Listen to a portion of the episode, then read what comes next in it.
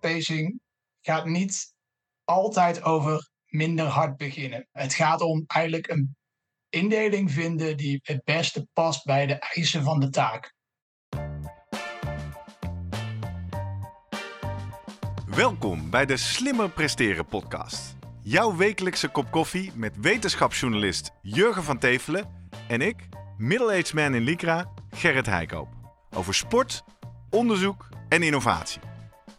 Voor mensen die hun grenzen willen verleggen, maar daarbij de grens tussen onzin en zinvol niet uit het oog willen verliezen. In deze aflevering praat ik met Jurgen over slimmer je beste tempo oppakken met tips van Stijn Menting. Niet te hard van stapel gaan, maar ook niet te langzaam. Het valt vaak niet mee om tijdens een wedstrijd je juiste tempo te vinden. Hoe ontwikkelt het pacinggedrag zich en hoe kan je het verbeteren? En hoe zorg je dat je je pacingplan niet in de war laat schoppen? We vragen het aan onze special guest, bewegingswetenschapper en kerstverse dokter Stijn Menting. Voordat we beginnen, nog even drie dingen om aan te denken als jij zelf ook slimmer wilt presteren. Nummer 1. Druk nu gelijk even op abonneren, zodat je altijd direct in de gaten hebt wanneer er een nieuwe aflevering online komt. Nummer 2. Weet dat je Jurgen en mij ook kunt boeken voor jouw volgende bijeenkomst als spreker of presentator. Neem gerust eens contact met ons op via de contactgegevens hieronder. En 3. Deze podcast wordt geproduceerd en gesponsord door Live Online Events. Serieus goede content rondom jouw congres of event. Check www.loe.tv voor meer info.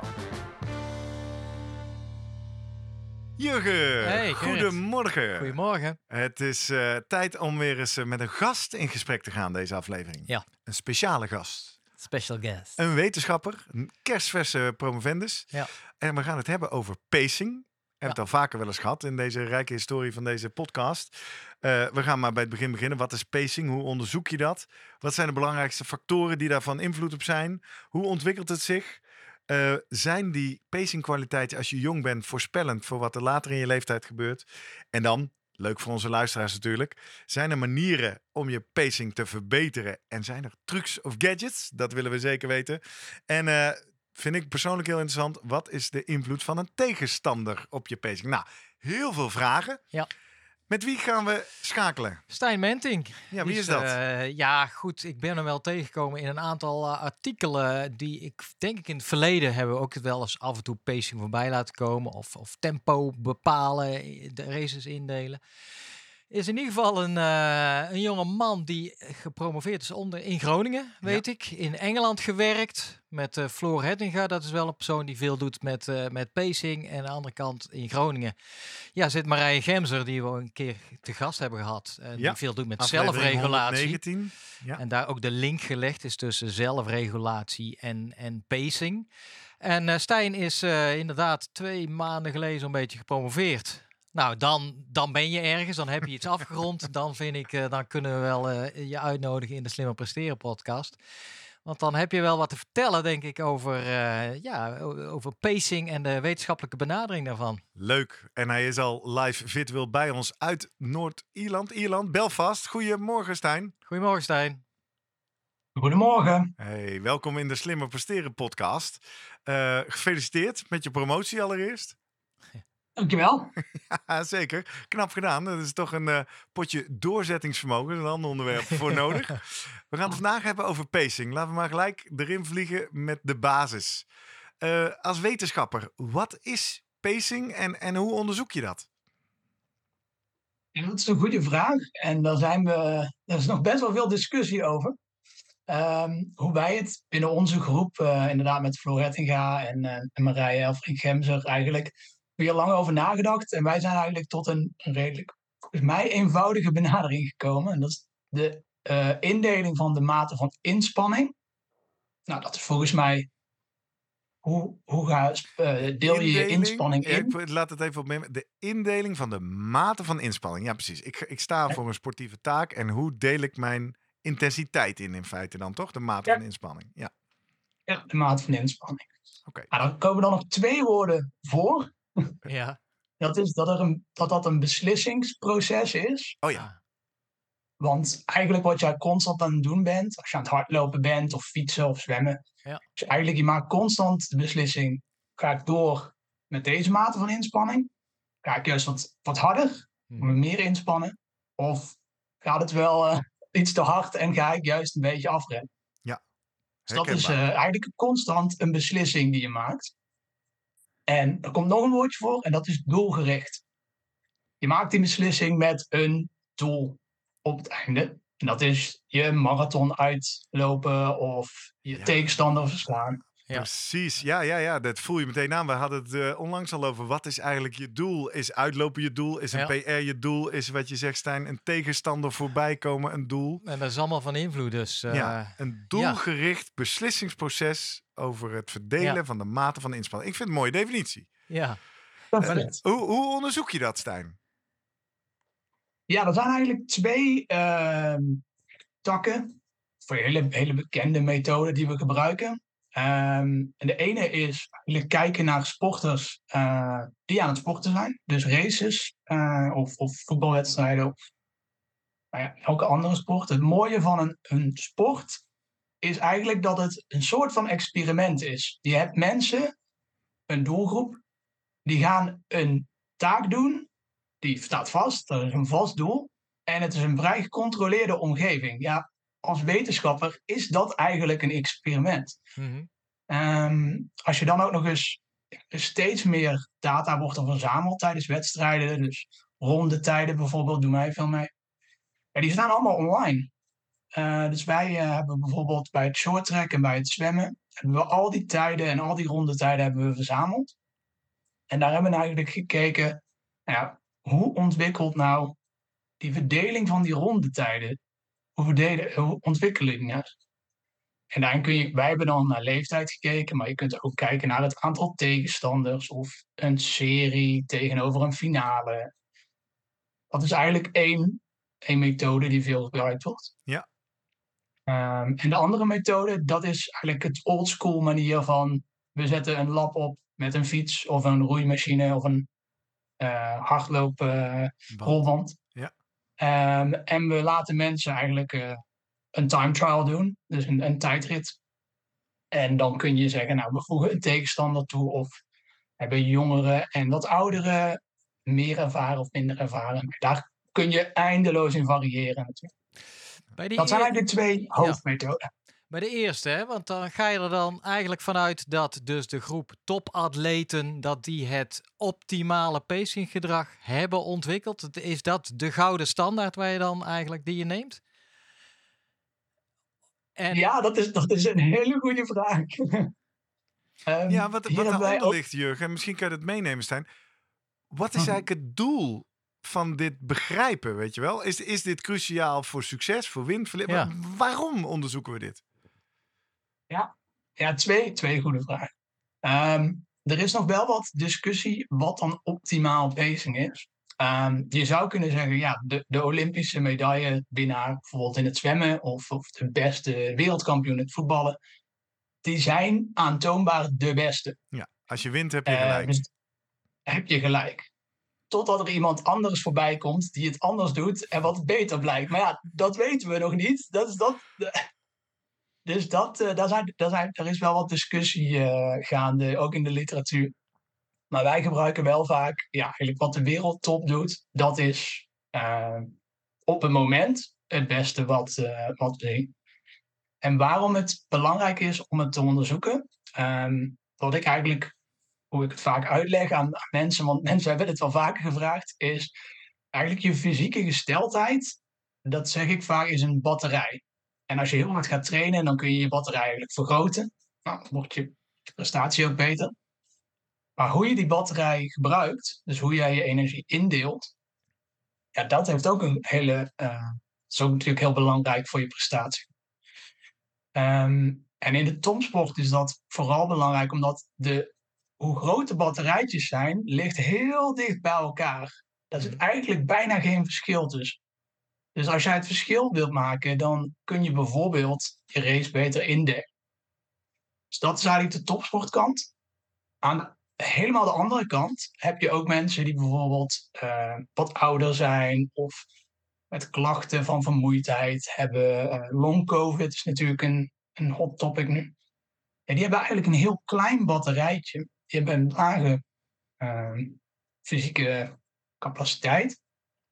Maar die willen toch ook hun activiteiten doen. Bijvoorbeeld mijn oma, die wil heel graag en naar de kapper en de kleinkinderen zien en uh, ook nog uh, gaan zwemmen in de avond. Ja, als ze dat allemaal op één dag gaat doen, dat gaat niet lukken. Ja. Dus wat zij dan doet, is de avond tevoren naar de kapper en dan in de ochtend zwemmen, in de avond kleinkinderen. Ja, dan heb je de energie toch goed verdeeld en kun je toch je doel halen.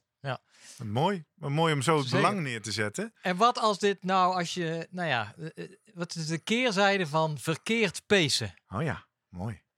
Wat als je dat dus niet goed doet? Ja, ja daarin zie je ook inderdaad wel weer. Uh, ja, kun je eigenlijk deze uh, best wel breed bekijken. Het, het, makkelijkste is, je gaat de race niet winnen, want je gaat het einde van de race niet halen ja. vaak.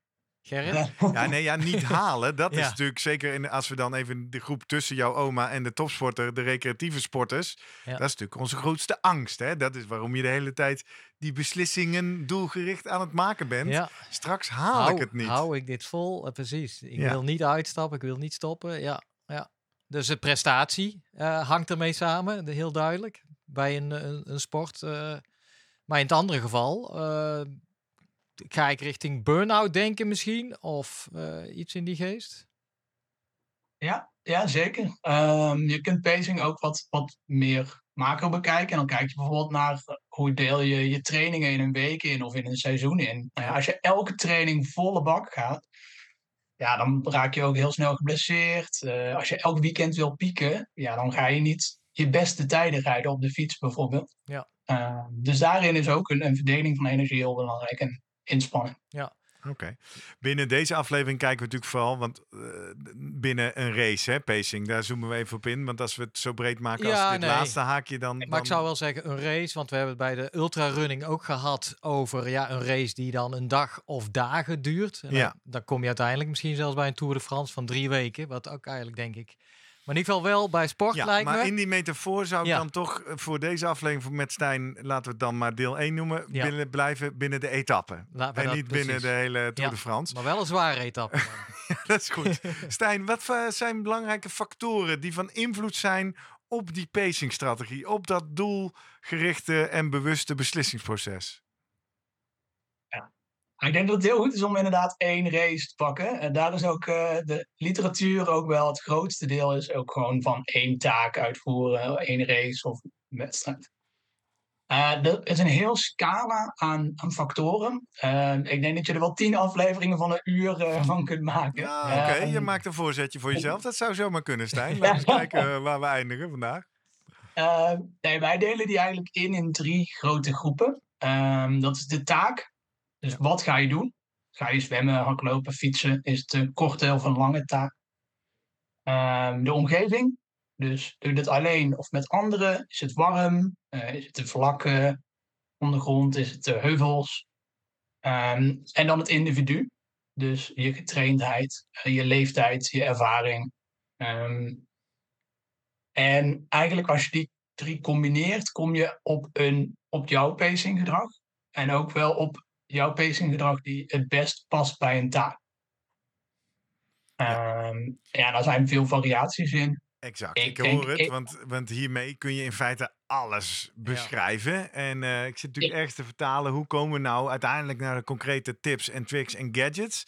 Dus eh, wat ik me herinner, we hebben eerder een aflevering over pacing gemaakt. En toen hebben we het over U-vormen en, en bulten en, en, en recht. En wat hier door, doorlopend door die afleveringen van de Slim Presteren podcast terugkomt, vlak pacen is het beste. Is dat iets wat jij ook vanuit jouw eh, onderzoek kan onderschrijven? Zeker. Ja, een van de grootste eh, factoren die invloed hebben is de afstand of de, hoe lang het duurt. En daarin zien we eigenlijk dat in korte taken, dus onder een minuut, is all-out pacing eigenlijk het beste. Dus zo hard mogelijk vertrekken, zo hoog mogelijk eh, eh, versnelling, dus acceleratie en dat vooral proberen vol te houden. Ja. Dus de 1 en 2 minuten zien we dat dat nog steeds belangrijk is, hard vertrekken. Maar dan zul je ook wel wat moeten overhouden. Dus dan is het eigenlijk hard vertrekken en die snelheid constant houden tot het einde. Ja. Als je boven de twee minuten, dan kom je inderdaad, wat veel mensen doen, is dan de U-vorm. Ja, ik herken Uh, me en je zeer wilt- in een U-vorm. Altijd te hard van Ja. start, daar dan van schrikken. Ergens op drie kwart zit altijd mijn dieptepunt van de U. Niet op de helft, maar op drie kwart. En dan komt Ja. de finish in zicht. En, En dan denk ik, nou, dan eh, kunnen Ja. we nu... Laatste kilometer mag het batterijtje, daar is hij weer leeg, hè? Ja. ja. Ja, die U-vorm die wil je eigenlijk zo plat mogelijk Ja. hebben. Oké, Ja, dat is eigenlijk, eh, boven Dus de is twee minuten zien we dat terugkomen. Ja, we komen ergens. Want nu kunnen we het dan gaan hebben over... Oké, Stijn, wat heb jij uit je onderzoek gezien of geleerd... wat mij en mijn, onze medeluisteraars kan helpen om onze U zo plat mogelijk te krijgen? Eh, nou ja, er zijn wel best wel veel dingen die je daarvoor kunt doen. Ehm, ik denk, het, om een goede pacing aan te leren, is het denk ik heel belangrijk dat je... Wij zien pacing heel erg als een skill, dus die je aan kunt leren. Ehm, en ik denk dat je daar ook nooit te oud voor bent. Het is niet zo dat je als je 30 bent of 40, dat je dan opeens niet meer kunt leren pacen. Dat is wel eens voorbij gekomen in de literatuur. Ja, dat, daar geloof ik niet echt in, want volgens mij kun je altijd blijven leren. En je zegt het is een skill in tegenstelling tot hoe Jurgen mij wel eens bejegent, een karaktertrek. ja, sommige mensen zijn beter in het aanleren van sommige skills dan anderen, denk ik. Dat daar het ook wel mee te maken heeft. Maar waarom het een skill, als een skill wordt gezien, is, is duidelijk van, eh, dat hebben we in het verleden denk ik wel over, over de, de jonge honden, de, de kinderen die eigenlijk eh, ja, allemaal veel te hard starten bij zo'n jeugdloopje. En dan uiteindelijk toch de mensen die eh, wat ouder en wijzer zijn, die het een stuk beter lukt. Eh, Dat, daar heb je, ja, hoe, hoe zit dat? Wat gebeurt er in die overgang van jong naar volwassen, de puberteit, adolescentie precies? Ja, eh, op ja, fysiologisch gezien of psychologisch, mentaal gezien. Ja, hoe- waardoor het pacinggedrag zich dan in ieder geval in, in korte tijd wel verbetert of ontwikkelt. Ja, jullie hebben dat inderdaad ook al een keer in een andere podcast eh, voorbij horen komen. Ehm, en wat we zien is eigenlijk de eerste ontwikkeling die we zien is rond een, een jaar of 7, 8. Dan komt er eigenlijk een soort besef bij kinderen. Oh, als ik nu wat langzamer ga of wat sneller ga, dan zal ik straks een betere prestatie neerzetten. Dat abstracte denken, dat, eh, dat zien we ook uit de psychologie. Dat begint een beetje te komen rond een jaar of 7, 8, 9. Mhm. Ehm, dus dan zien we eigenlijk een eerste ja, gewaarwording van pacing. Ehm, die ontwikkelt zich enorm tijdens de puberteit. We weten ook dat de hersenen zich ontwikkelen tijdens de puberteit. Dus daar zien we een hele mooie eigenlijk, eh, samenkoming. Ehm, en rond een jaar of 18, 19 tot een jaar of 25, dan neemt die ontwikkeling geleidelijk af. En alles wat je daarna nog verandert aan je pacing, komt eigenlijk door ervaring. Oké. Dan zijn je hersenen ook gevormd. Ja.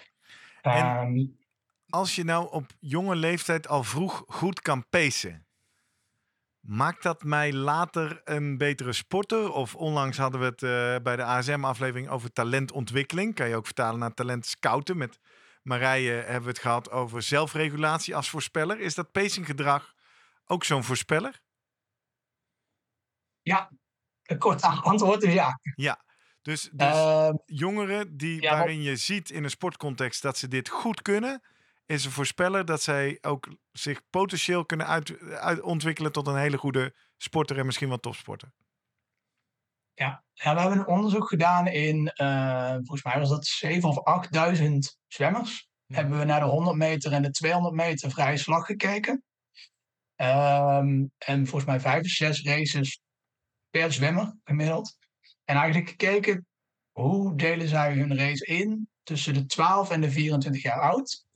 En wat is hun niveau na 20, 22 jaar oud. Eh, werden zij Olympisch kampioen? Of eh, in ieder geval zwommen ze Olympisch limiet? Of zaten ze daaronder? Subtop en dan high competitive, wat we dan noemen. Dat is eigenlijk regionationa- ehm, of nationale en regionale top. En wij zien dat degenen die dus dat Olympisch limiet zwommen, dus heel dicht bij het wereldrecord kwamen, dat die tijdens hun adolescentie, tijdens de puberteit, hun race al indeelden als volwassenen. Of in ieder geval meer daarbij zaten. Dus die, die eigenlijk was die groep die, die was eigenlijk al zichtbaar tijdens de puberteit. En dat kun je dan herkennen aan dus die ondiepe of bijna vlakke U. Hè? Dat is waar we de hele tijd naar op zoek zijn dan. Ja, daar, uh, daar moet ik nog wel ook een, een beter puntje bij jullie vorige podcast plaatsen. Want inderdaad, bij de 200 meter, Ja. 200 meter zagen we dat inderdaad. Eh, ze gingen wat langzamer op de eerste 50. Ja. Eh, waardoor ze in het midden wat sneller konden. Dus dan zie je echt inderdaad, die U-vorm die wordt eigenlijk platter. Bij de 100 meter zagen we het omgekeerde. Ah. Ze begonnen, hoe ouder ze waren, hoe sneller ze startten. Ah, En we zien ook bij de topzwemmers, er zijn ook papers over. Vooral bij de mannen zien we dat de, ja, de toppers, die starten heel snel. Ja. Die durven heel snel te starten en die weten, ik haal het wel. Ja. En dat komt dus door die specifieke inspanning van een 100 meter, die Ja. dus dan net onder de twee minuten zit. Nee, zeker onder de twee, dik Ja. onder de twee minuten Ja. zit natuurlijk. Ja. Ja, onder de minuut. Ja. Oh, onder de minuut zelfs. Oh, sorry, ik zat nog even in mijn eigen zwemmen. Wat ik me dan eh, afvraag, hè, Stijn. Want dat, dat- dus Ja. je hebt kinderen die op 12, 13-jarige leeftijd daar dat pacinggedrag ja, verder in zijn. Dat zie je dan niet 1, 2, 3 terug in hun eindtijd. Of in, ja, of zijn zij ook fysiek gezien vaak al wat verder? Ehm, ja, daar hebben we in dat onderzoek niet per Nee. se naar gekeken. Ehm, ik weet dat er een schaatsonderzoek is, ook uit, uit Groningen. Ehm, die, hebben dat, die zagen dat inderdaad wel. Mhm. Eh, die zagen dat er eigenlijk weinig verschil fysiek was. En je kunt je natuurlijk ook wel voorstellen waarom dat zo zou zijn. Dit hebben we nog niet onderzocht, Nee. maar ik, ik denk dat dit een van de dingen is dat als je fysiek misschien wat jonger bent of wat minder ontwikkeld, Ja. dan moet je iets. Je hebt een kleiner batterijtje. Je moet iets doen Ah, om met die grotere eh, meiden of jongens eh, mee te gaan. Ja. Ja. bijvoorbeeld beter indelen. Ja. En als je dan uiteindelijk weer wat groter wordt en eigenlijk het batterijtje even groot wordt, ja, als jij dan al weet hoe je het moet indelen, dan heb je al wel een stapje voor. Ja, dat is interessant. Hier hebben we het letterlijk een Ja. paar weken geleden over gehad. Hè, in de aflevering van ASM. Dat je, toen hebben we het over het geboortemaand-effect gehad. Wat natuurlijk dit, die fysieke verschillen verklaart, Stijn. En dat dus toen leek dit al onder te Ja. liggen. Dat die eh, kinderen die in het begin wat nadeel hebben. op een of andere manier later beter doorkomen. nou, een dit kan een verklarende factor zijn. Underdog eh, Ja. effect, ja. Maar, Oké, Stijn, eh, terug naar het onderwerp skill. We zijn eh, hier eh, met twee middle-aged men. Eh, wij zijn geen kinderen meer, dus wij zullen het moeten hebben van onze pacing skills ontwikkelen. Wat kunnen we doen? Nou, eh, wat, wat we eigenlijk zien in, in alle skillsliteratuur en ook in pacing is, je begint eigenlijk met wat ga ik eigenlijk doen? Eh, dus een soort kader voor jezelf vormen. En ik, ja, het makkelijkste is gewoon de taak uitvoeren. Eh, dat is lastig als je een marathon aan het trainen bent, maar als je bijvoorbeeld een 5 kilometer, je parkrun of zo wil verbeteren, ja, ga eens gewoon een paar keer eerst die 5 kilometer lopen. Die 1500 meter schaatsen. Ah, ik, ik wou zeggen, waarom is dat makkelijker? Maar je bedoelt, eh, de eerste tip is, ga maar ervaring opdoen. Hè? Dat is wat je zegt. Ja, maar gewoon ervaring doen. Wat ga ik eigenlijk doen? Ja. Eh, en je zult er dan vanzelf achter komen dat na een aantal herhalingen, dan kom je eigenlijk op een bepaald pacingpatroon wat voor jou werkt. Ehm, of, of waar je je comfortabel bij voelt. En dan begint eigenlijk het echte harde werken. Dan ga je daar eigenlijk variaties in uitproberen. Dus als je ziet, oh, ik heb heel erg zo'n U-vorm. Ja, Maar probeer eens dan wat langzamer te starten en wat harder te gaan op het middenste stuk. Of juist, nou, ik heb altijd een enorm eindspurt. Nou, begin eens wat sneller te starten. met, Ehm, met als en dat is- doel om ook daar ervaring in op te doen en te ontdekken wat dat voor je kan betekenen of zo. ja, ja, eigenlijk proberen variaties uit en kijk of het dan beter gaat. Ja. en vaak zien we dan wel uit theorie dat als je dus wat meer geleidelijk gaat pacen, dat dat dan ook wel beter gaat. En hoe meer ervaring je ermee op eh, doet, hoe beter het wordt. Ehm, ja, die variaties, dat is best lastig om dat zelf te doen. Want je lichaam zegt natuurlijk, nou, dit voelt helemaal niet lekker. Nee, Eh, ik moet, het doen? ik Eh, moet raar- veel harder. Experimentje voor Stijn, daar klopt niks Ja. van. Ja. Ja.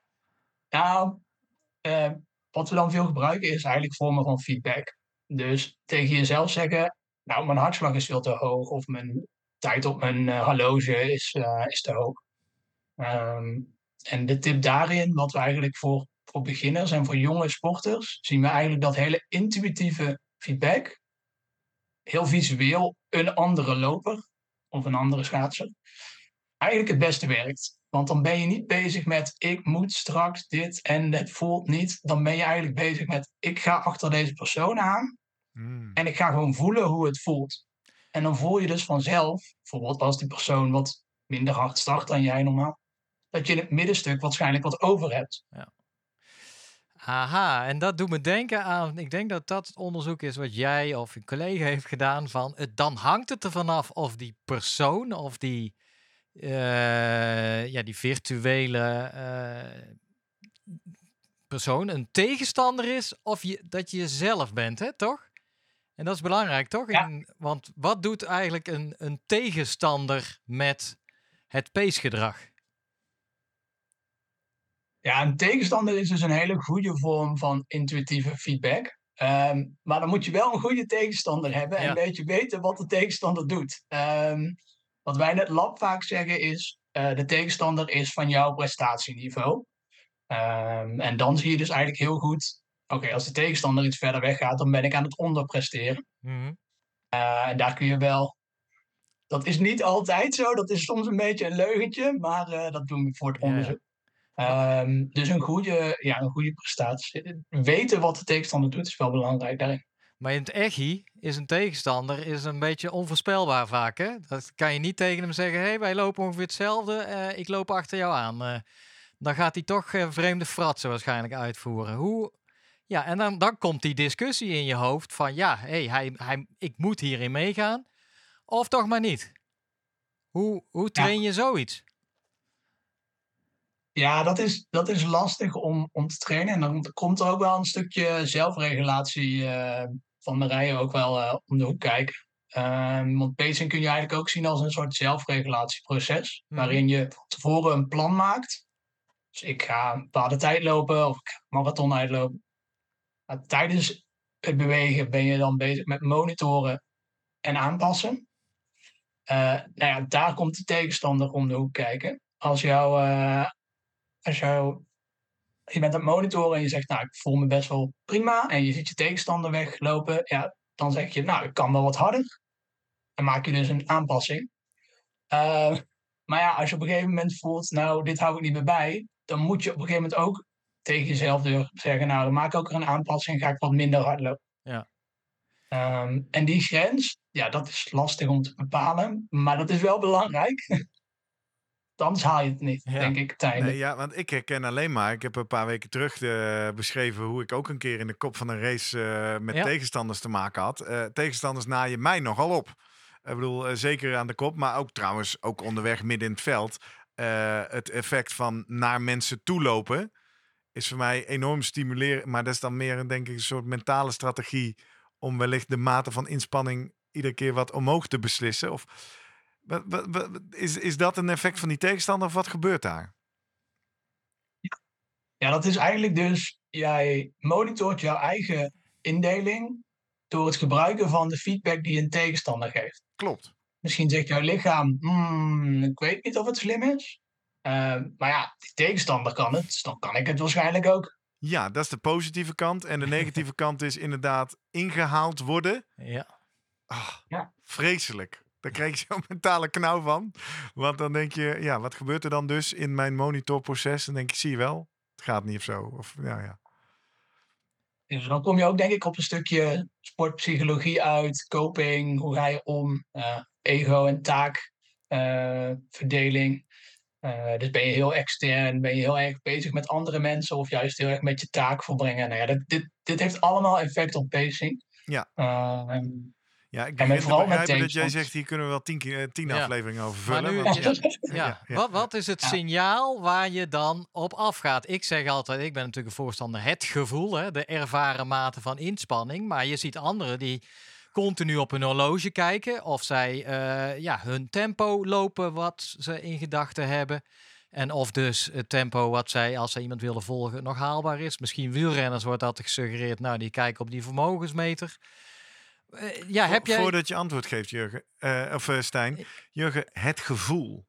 Dat is, ook, dat is niet iets, hè? Ik bedoel, dat, dat, dat kun je toch ook ontrafelen naar signalen waar je op let? Wat, wat is voor jou het gevoel? Het is inderdaad het gevoel van nou ja, het, met, met, met de vooruitblik denk ik van daar ligt de finish. Als ik dit tempo blijf handhaven, haal ik dan die finish. Dus dat is. Ja, maar waar let je dan op? Dat is denk ik inderdaad. Wat monitor jij? Ja, hoe monitor? Ja, dat is een hele goeie. Nee, want je hartslag voel je niet verder, nee. zeg maar. Je voelt, oh, je, waar, je, tuurlijk, je bent aan het zweten.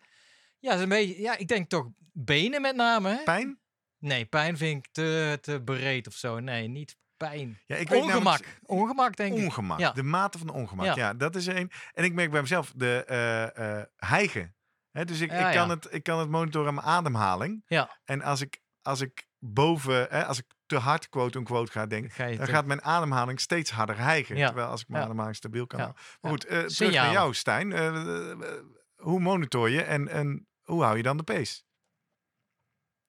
Ja, dit, dit zijn allemaal hele goede voorbeelden. Um, ik denk dat het ook wat individueel is. Um, sommigen die gaan, sommige mensen vinden het heel fijn om dat inderdaad op een externe manier, dus bijvoorbeeld op een tijd te lopen of een bepaalde hartslag. Um, er is ook wel onderzoek dat juist zegt als jij heel erg op één bepaalde tijd gaat focussen, of op bijvoorbeeld, dit voor mij was dit gedaan met roeiers, die moesten eigenlijk op een bepaald wattage roeien. Uh, en heel strak daarop ja, dat, dat vond ze heel vermoeiend. Dus een RPE, Rate of Perceived Exertion, was heel een stuk hoger dan als ze het zelf mochten pacen, terwijl hun prestatie was gelijk. Mm. Um, dus er moet wel, het, kan, het denk ik met feedback werken is denk ik heel goed, maar je moet wel ook wat variatie, microvariaties, uh, daar ruimte voor laten, zodat je bijvoorbeeld bij een marathon af en toe een kilometer iets onder die tijd. En nou, dan loop je vervolgens die kilometer daarna waarschijnlijk een klein beetje erboven. Dat is niet erg. We zijn geen robots, we zijn mensen. Uh, dus een beetje variatie, dat hoort er helemaal bij. Is er onderzoek uh, of data of ideeën over of een bepaalde vorm van feedback beter of slechter helpt om die U-curve zo plat mogelijk te krijgen? Maakt het uit of ik op vermogen, hartslag, tijd, tegenstander, weet ik veel, hard, uh, ademhaling, pace? Um, ja, dat zijn denk ik voor- en tegenstanders van heel veel methoden. Die werken vaak ook bij bedrijven die, die bepaalde producten willen aan, uh, aansmeren. Um, wat ik in mijn onderzoek voorbij heb zien komen, is dat uh, type feedback eigenlijk. Um, er is eigenlijk een soort lijn tussen heel intuïtieve feedback als tegenstanders, uh, virtuele tegenstanders, en hele abstracte uh, feedback. Dus een tijd, een power output, ja, dat is iets heel abstracts om mee te werken. En we zien eigenlijk dat de wat jongere sporters en de wat minder ervaren sporters, die vinden het fijner om intuïtieve feedback, dus lampjes langs de baan, een, een pacer, een haas bij een marathon, dat, is, dat kun je zien dat kun je zien als je voorloopt, kun je zien als je erachter loopt. Um, en hoe meer ervaren je wordt, maar ook als je door de puberteit gaat, kun je eigenlijk steeds beter omgaan met die abstractere vormen. En als je er heel goed in wordt, dan is het zelfs goed om af en toe de feedback juist weg te halen. Oké, waarom? Om toch een beetje te Ja, omdat je dan toch dat gevoel uh, een beetje traint. Dat je niet alleen maar blind staart op, op de nummers, maar ook uh, dat je dus leert monitoren en niet afhankelijk wordt van de nummers die je ziet. Ja, dus dat betekent ehm, een, een, loopje zonder tegenstanders, zonder horloge. En wel gewoon echt uh, te kijken voor een PR eigenlijk. Maar dan wel all-out, ja. Ja. Oké. Ja, we hebben een, een onderzoek gedaan bij de shorttrekkers. Nou, die zijn natuurlijk altijd met z'n allen. Die trainen als groep, maar die in de wedstrijd schaatsen ze ook met tegenstanders en met, met teamgenoten. Um, en daar hebben we op een gegeven moment tegen gezegd: ga maar eens alleen een 1500 meter rijden. Nou, dat vonden ze echt niet leuk. ja. Want dat, uh, ze dachten, ja, dat kan ik niet. Nou ja, dat hebben ze toen toch gedaan. En daarna zeiden ze allemaal van, wow, ik kan dit. Ik kan dit in mijn eentje. En daarna zagen ze wel, want dat was toch wel een, een leerpunt voor hun van, oh ja, dit kan ik dus ook. Ja. indelen. Oeh, misschien moet ik mijn race dan ook maar eens anders gaan indelen. Dus het weghalen van feedback kan ook soms. Ah, ja. eh, wel, dan moet je dus wel al best goed kunnen pacen. Dan Ja. wordt het wel, dat is wel Ja, ja, dat is de nuance. Dus de algemene tip is niet: ga ook eens trainen zonder feedback. Nee, als jij al een behoorlijk ervaren en goede loper bent, dan kan het je helpen om weer nieuwe varianten of nieuwe mogelijkheden te ontdekken. Dat is eigenlijk wat je zegt. Ja, je wil eigenlijk altijd een nieuwe prikkel eh, geven, trainingsprikkel. Ja. En die moet, ja, mag niet te makkelijk zijn, maar ook niet te moeilijk. En als je dus iets moeilijker wil maken voor jezelf, nou, dan zou je bijvoorbeeld zonder feedback kunnen lopen. Ehm, toch even iets bij je toetsen. Waar, ik ben even kwijt waar ik het laatst hoorde. Ik weet ook wel iemand in mijn omgeving die er fan van is. Maar dat, dat hele. Dat, dat, die focus op dat negative split pacing. Dat het zoveel beter zou zijn om in de tweede helft harder te kunnen dan in de eerste helft. Stijn, één. Is Bij het een zo? marathon dan, hè? Nou ja, ja, en bij allerlei. eh, ik, Ja, ik maar- zit te denken, ik la- laatst hoorde ik ergens kort zei iemand ook idealiter nog in een negative split. Volgens Ja. mij zie jij het ergens Ja, ik ben er aflevering. wel... eh, Ja, hoezo, Stijn? Ja, ja, ik heb het ook wel. Ik heb zelf niet heel veel onderzoek gedaan bij de marathon. Ik weet, ik, ik heb het wel heel vaak voorbij horen komen, natuurlijk. Ehm, ik, ik denk dat als je het puur wetenschappelijk en vooral natuurkundig bekijkt, dat een zo constant mogelijke pace eigenlijk optimaal is. Ja. Dus dan heb je geen negative split, dan is het gewoon constant. Ja. Ehm, ik denk dat de negative split een beetje, en dit is heel erg speculatie, er zijn mensen die er weer onderzoek naar hebben gedaan, maar ik denk dat het misschien een beetje komt van eh, dat je normaal, vooral als amateur, eigenlijk gaat instorten op het einde. mhm. En als je al een plan maakt van nee, ik ga juist harder, dat je dan eigenlijk, als je dat als plan neemt, dat het een beetje een soort van elkaar eh, uitcancelt, zeg maar. Ja, Als ja, ik dat je probeer- vlak uitkomt, normaal-. Ja, Ja. precies. Vlakker in ieder geval. Nee, maar ik denk dat het opgeklopt wordt in de media vanwege het feit dat natuurlijk de meeste onervarenere amateurlopers, die komen nooit aan die negative split. Nee. Die gaan uit het laatste stuk van een marathon is natuurlijk een hel. En dan komt er zo'n Kiptum of, of Kipchoge of noem maar op, misschien Hassan. Die doen dat dan wel. Dan zeggen ze, zo wat knap hè. In een marathon dan toch nog op het eind Ja. iets of het tweede gedeelte harder kunnen lopen dan het eerste. En dat wordt dan een beetje gezien als van ja, als je dat kan, ja, dan ben je echt eh, top. Maar ja, de, de vraag is van eh, doe jezelf niet tekort om daar Ja, door eigenlijk theorie had je harder gekund, ja, toch? precies. Als je negatieve je houdt eigenlijk, ja, want het ah, suggereert dat je in het begin wat te langzaam bent gegaan en op het einde nog best wel wat over hebt. Dus ja, exact. ik denk nee, dat wil het, ik toch eh, hier ja. even met onderzoeker Stijn Ja. Henting erbij Precies. gecoind hebben. Stijn, ik zit zelf nog continu eh, met, met dat tweede woord, het beslissen nemen, hè, die beslissing nemen. En dan denk ik, ja, dat klinkt alsof je continu bewust een beslissing neemt. Nee, denk ik. Vaak ook onbewust. En met name als ik denk, als ik echt best wel moe ben tijdens een race. Dan ja, echt goed nadenken en een besluit nemen. Eh, Je gaat vaak ook, nou ja, komt het weer, het gevoel. En dat zie je bij wielrenners ook. Die moeten in een split second soms beslissen: ga ik met een demarrage wel of niet mee? Soms eh, wel en dan laat ze het weer lopen, et cetera. In hoeverre is dit een, een automatisme of is het een, een bewuste keus die gemaakt wordt? Is daar duidelijkheid in? Nee. dit is, dit is, hier zijn eh, hele grote onderzoekers al, nou ja, 25 jaar denk ik. De- Mhm. De hele, na het jaar 2000. Een enorme discussie aan het, over, aan, aan het hebben. Nee, het is bewust. Nee, het is volledig onbewust. Nee, het zit ergens tussenin. Ehm, en er zijn eigenlijk een aantal modellen ja, die eigenlijk de, die kanten benadrukken. Ja. Ehm, eentje waar, waarvan ik zelf, ehm, ja, wat ik wel een mooi argument vind, ik weet niet of, dit, of het zo werkt, is dat er eigenlijk een, dat het normaal maak je beslissingen onbewust. En hoe, dat gaat met arousal en dat gaat over Opwinding. eh, een is soort van de, Ja. ja. de opwinding en, en hoeveel pijn je voelt. En als op een gegeven moment is er een soort grens die je bereikt. En dan wordt het een bewuste beslissing. Dan zeg je, nou, ik stop ermee. Of ik ga achter die tegenstander. dat vind ik zelf wel een mooi model. Daar is nog, er is geen consensie over. Ben, ben je in staat, want ik, ik ben dol op uh, fundamenteel wetenschappelijke discussies. Ben je in staat om ons, om ons kort de ene en de andere kant te schetsen? Wat is de grote tegenstelling in de wetenschap?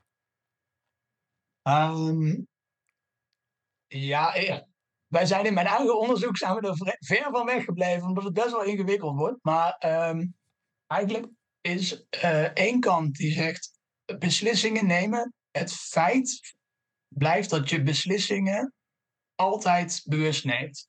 Dus pacing moet altijd bewust zijn. Beslissingen zijn bewust. Dus alleen als je een bewuste beslissing maakt, is dat. Ja, is het, dus het moet in het bewuste deel van de hersenen liggen. Je wou zeggen, anders, uh, anders zou er niks veranderen. Dan zou je niet. Ja, exact. Ja. Gedrag is altijd bewust. Ja. Ja. Um, terwijl het andere kant juist zegt: nee, het ligt in het deel van de hersenen um, die kijkt op het eigenlijk beschermen van je lichaam. Dus dat je niet uh, het lichaam te veel kapot maakt. En daar maak je zelf geen bewuste beslissingen in. Dat is juist iets onbewust, het soort beschermingsmechanisme van je lichaam.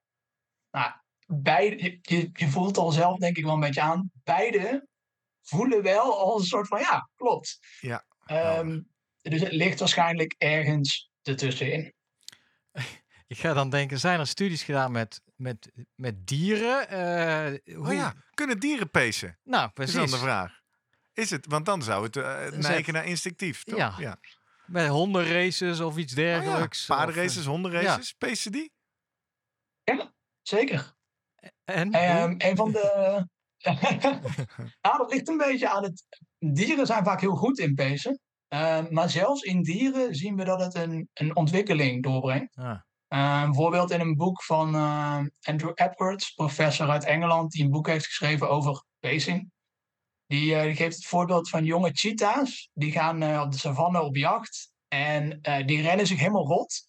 En die vangen helemaal niks. En dan gaat er een oudere moeder cheetah, die gaat achter één gazelle aan en die, ja. Nou ja, die deelt het wel goed in en die vangt meteen de eerste gazelle die ze, die ze ziet. Dus ja, dieren pezen ook en zijn er ook wel goed in. Ja. Hmm, interessant. Nou, komen we niet uit. Dus maar wel, wel uh, ik vind het wel al boeiend. Ja, Dankjewel, Stijn. Dat je dat een beetje hebt toegelicht. Ja. Um, je hebt al een aantal suggesties gegeven over hoe we onze skill, onze vaardigheid in pezen kunnen ontwikkelen. In de intro uh, beloof ik ook iets over gadgets. Kunnen we het daar nog eens even over hebben? Hoe, hoe kan je jezelf dan, dat is dan per definitie extern, maar misschien ook een beetje intuïtief, helpen om uh, die U-curve zo plat mogelijk te maken? Uh, ik denk dat een, het sporthorloge is denk ik heel mooi. Wat we nu meer kunnen, de smartwatches, uh, dat je daar gewoon je, je tijdens het lopen bijvoorbeeld je pace uh, op kunt zien. dat is denk ik de basis. Gewoon een, een, stuk gaan lopen en proberen zo plat mogelijk die pace of zo constant mogelijk de hartslag te houden. Dat is denk ik een hele goede gadget. En wat we nu ook steeds meer zien is bijvoorbeeld gadgets in het zwemmen. We hebben nu eh, smart goggles. Ja. Uh, vind ik zelf een hele gave ontwikkeling. Ik zie er vooral uh, reclame voor. Ja. Ik ben dus benieuwd. Ja. Heb jij als wetenschapper, ofwel in je netwerk of in je eigen onderzoeken, iets van effecten daarvan gezien? Wat doet dat? Wat betekent die instant feedback voor een zwemmer? Ja, daar is wel onderzoek naar gedaan. Uh, ik weet dat ze er volgens mij in de tongelreep in Eindhoven ook mee bezig waren. Ik weet niet of er dat nog zijn. Ik weet zelf van wel een, een onderzoekgroep in Australië die ermee bezig is.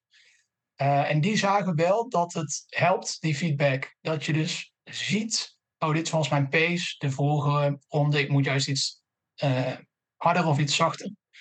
Um, ja, dat, dat werkt. Dus en, dat, dat werkt gewoon met, met informatie, hè, denk ik, van, ja. van snelheid, et cetera. Maar dan trekken het wat breder. Je kan natuurlijk ook een, een soort lijn eh, laten trekken uh, van die moet ik volgen. Of de ghost pacer hebben we het wel eens over gehad, Je zit ook op die horloges ook, toch? Of bedoel je Nee, dat is een bril. En dan zie je eigenlijk een oh, avatar ja. loopt voor je, uit voor je, uit En je kan die avatar zo instellen. Dan zegt, oké, okay, jij gaat nu uh, vier minuten per kilometer lopen. En, uh, nou ja, en, en, en die volg je dan. En ik denk het ultieme, of waar ik dan ook meteen aan denk, is Swift natuurlijk. Die heeft dat ja, ik, ik, ik Swift niet, maar je hebt natuurlijk echte tegenstanders, maar waarschijnlijk ook allerlei virtuele tegenstanders. En je kan daar denk ik ook van alles bij instellen. Dus er zijn best wel wat mogelijkheden hier dan. En ja, is het niet zo dat een persoon, misschien dat zei je dat al eerder, een, een avatar in dit geval, ja, toch de beste manier is in plaats van, want informatie moet je toch weer interpreteren en, en begrijpen Goed op dat moment. heeft hij al gezegd. Ja, Want jij zit nu op de as van intuïtief naar abstract. ja, nee. Ligt aan je ervaring. Toch, Stijn? nou ja, maar je had het over gadgets. Ja. Is, vind je het waard dat ik eh, go- een goggles ga vraag. Ja. Ofwel zwemgoggles of een, eh, of een, een, eh, een, een- een- de Ghost Runner of hoe, hoe heet die eh, bril ga aanschaffen. Maar ik denk dat het altijd een beetje, je moet altijd een afweging maken met hoeveel wil je spenderen en hoeveel krijg je er ook weer uit, denk ik. Praktische redenen zijn ook belangrijk. Ehm, maar inderdaad, we zien wel dat eh, intuïtieve feedback, dus bijvoorbeeld een tegenstander, dat dat echt wel heel goed werkt. Ehm, dus zoals op Swift of eh, bijvoorbeeld de Wave Light, eh, dus de, de lijnen, de lampjes langs de lijnen. Die heb je volgens mij ook in het schaatsen en ook in het zwemmen heb je die. Ehm, ja, we zien wel dat dat echt effect heeft. En er zijn ook wat trainingsstudies. Er is er eentje in het roeien. Die hebben laten zien dat als jij traint gewoon met een, met een tijd. ehm, en je gaat acht weken trainen met een tijd. eh, dus het pacingplan op tijd. Of acht weken trainen met een avatar. Die je pacingplan eigenlijk bewezenlijkt verwezenlijkt, ehm, dat het trainen met de avatar beter werkt. Ehm, Moeten we altijd en vragen, waarschijnlijk beter op wat? Wat is beter? oh, beter, de prestatie was beter na acht weken. Oké, dus meer trainingseffect door de manier waarop je jezelf van feedback hebt voorzien. Ja, en dit waren wel beginnende roeiers. Dus eh, Ja, ja, het weer. het is logisch dat die met intuïtieve feedback wat meer eh prestatieverbetering hebben.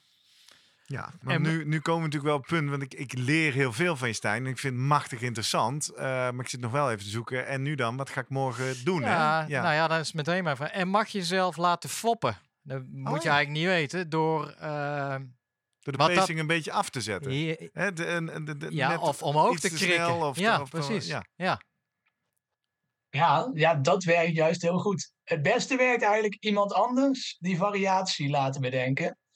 Eh, dus als jullie voor elkaar nou eens een Ghost Pacer eh, ontwerpen. Als je ziet van, nou, Gerrit die, eh die startte snel, dus Ja. die laten we wat langzaam starten. En eh, ja, andersom, dan eh, dat werkt denk ik het best. Ja, en, dus, en dan even denken, als ik dus, Jurgen wil graag 5 minuten en 20 seconden over een kilometer lopen. Ik weet dat hij makkelijk 5-0 kan. Dus dan moet ik hem doorgeven dat hij te langzaam loopt. Hè? Ja, dan moet ik roepen, ja Jurgen, kilometertje in 5,40, tandje erbij. Ook al loopt hij al 5,20. Ja, of je zet die runner op vijf minuten en je zegt tegen mij, ja, ik heb hem ingesteld op 25. Exact. Werkt het zo, eh, Stijn? Precies. Precies dat laatste inderdaad. We hebben dat eh, in het lab ook zo gedaan. We hebben ehm, mensen een, een avatar tegen een avatar laten fietsen. Eh, en wij zeiden tegen deze personen: Dit is jouw tijd. Eh, dit is een, een tegenstander die hetzelfde fietst als jij. Eh, die, waren eigenlijk, die avatars waren eigenlijk 5% sneller. En alle proefpersonen gingen allemaal achter die avatar aan.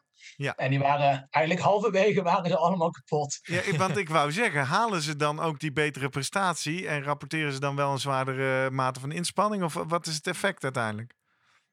Ja, 5% is best veel. Dus normaal, wij, wij waren eigenlijk op zoek naar, eh, kunnen we het pacinggedrag veranderen? Ja. En, en zit daar verschil in tussen volwassenen en, en kinderen? Ehm 2% komt uit onderzoek dat eigenlijk consequent je prestatie dan verbetert. Dat is net hoog genoeg dat je prestatie eigenlijk verbetert. Mag je dat omdraaien en zeggen dat je eigenlijk, als je niet oplet, eigenlijk jezelf altijd 2% te veilig peest? Ja, vaak wel. En ehm, dat komt vaak Twijfelen. Hmm. ja, dat is toch, we zijn toch wat voorzichtiger. En, eh, en vooral de elite-atleten die zijn wat beter om die rem wat los te laten.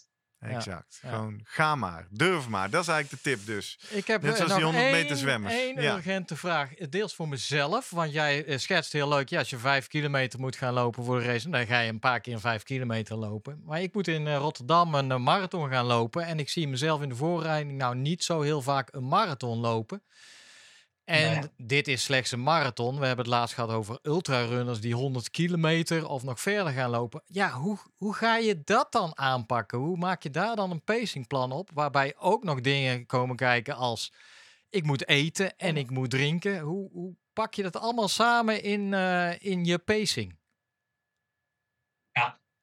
Ja, dat is inderdaad wel, dat is wat lastiger als je, het, als je de taak niet kunt doen. Ik denk dat je wel eh, aspecten ervan kunt trainen. Dus bijvoorbeeld ehm, het, het, nou ja, ik weet niet of je het één op één kunt opwekken, maar het gevoel eh, van vermoeidheid, dat kun je natuurlijk wel ook door hittrainingen en nou ja, dan kun je dat wel opwekken. Dus daar kun je wel ook mee oefenen.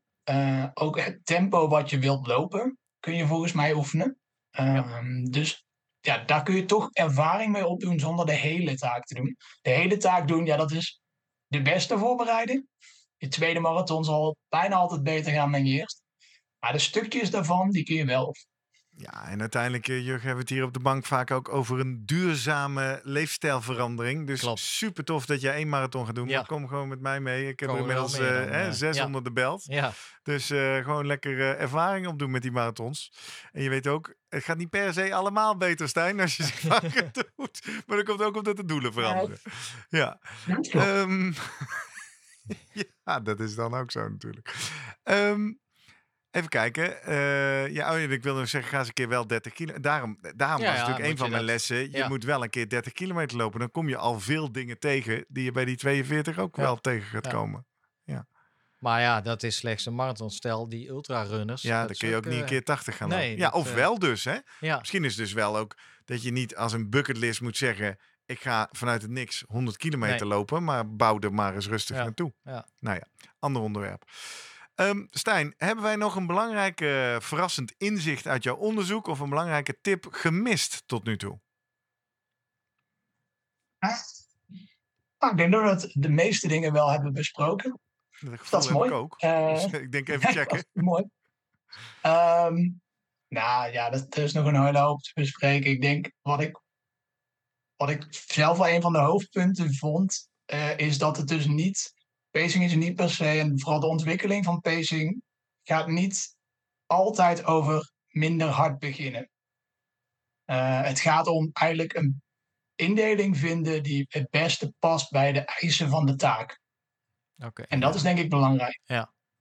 Ja, En ik- Jurgen, ze- het gaat dus niet altijd over minder hard beginnen. het gaat, nee, ik zal het er niet meer over hebben, Gerrit. Dat is duidelijk. Afhankelijk van de taak. Ligt aan de taak. Ik ben eigenlijk benieuwd, Stijn. Eh, je bent nu dokter. Eh, ga jij door in het pacingonderzoek? En, en zo ja, wat is daar de, de kernvraag voor de komende jaren voor jou?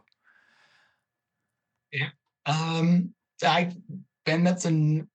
Eigenlijk met mijn hoofdbaan is, eh, is nu een, iets anders. Zit ik wat meer in de gezondheidszorg en de public health kant. Maar ik, ga er, ik heb wel onderhandeld dat ik nog wel wat door mag met het pacingonderzoek. Ja.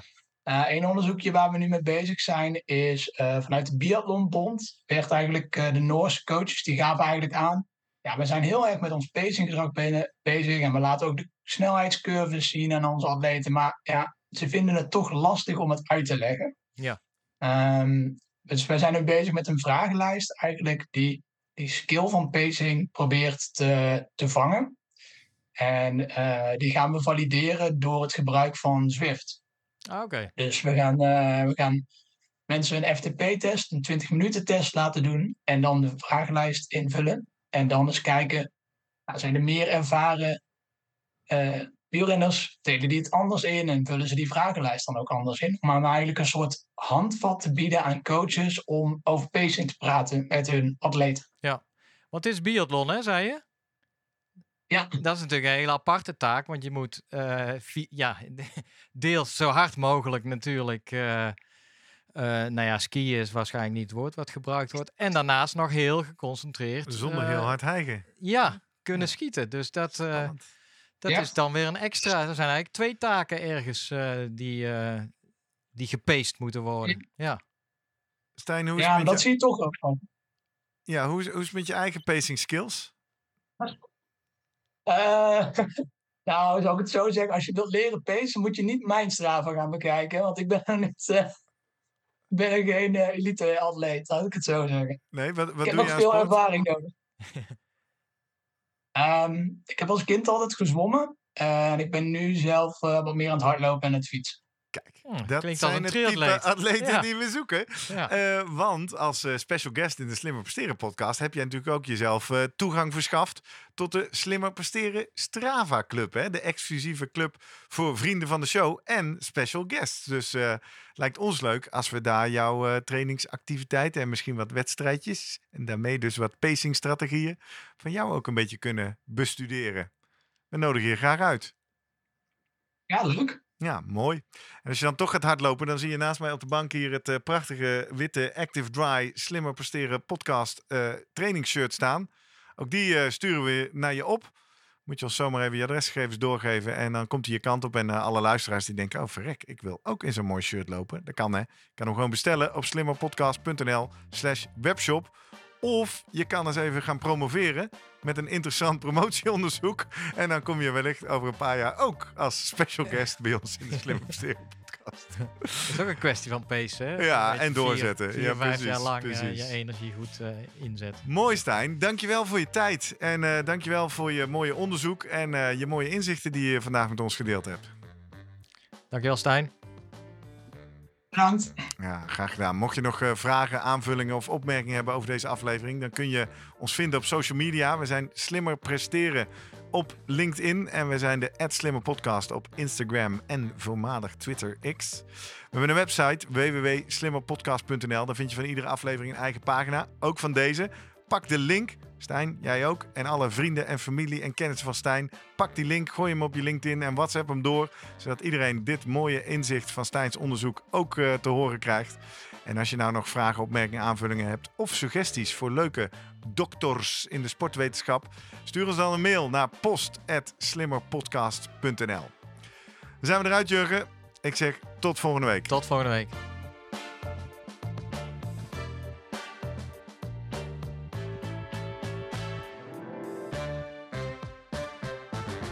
Goed dat je nog steeds luistert. Aan het eind van iedere aflevering geven we je nog een luistertip uit ons rijke archief van de Slimmer Presteren podcast. Al meer dan 150 afleveringen met inspiratie uit de fysiologie, psychologie, voedingsleer en nog veel meer. Jurgen, we hebben het de hele tijd over pacing gehad. Heb je nog een luistertip? Ik zou zeggen, uh, aflevering 13. Dat was eigenlijk een beetje een basisaflevering over pacing aan de hand van wat uh, wetenschappelijke observaties. En volgens mij ook eh, de observatie van jou, Gerrit, dat jij in het verleden wel eens veel te hard van stapel wilde gaan. ja, precies. In aflevering 13 leer je alles over je energieverdeling tijdens de race.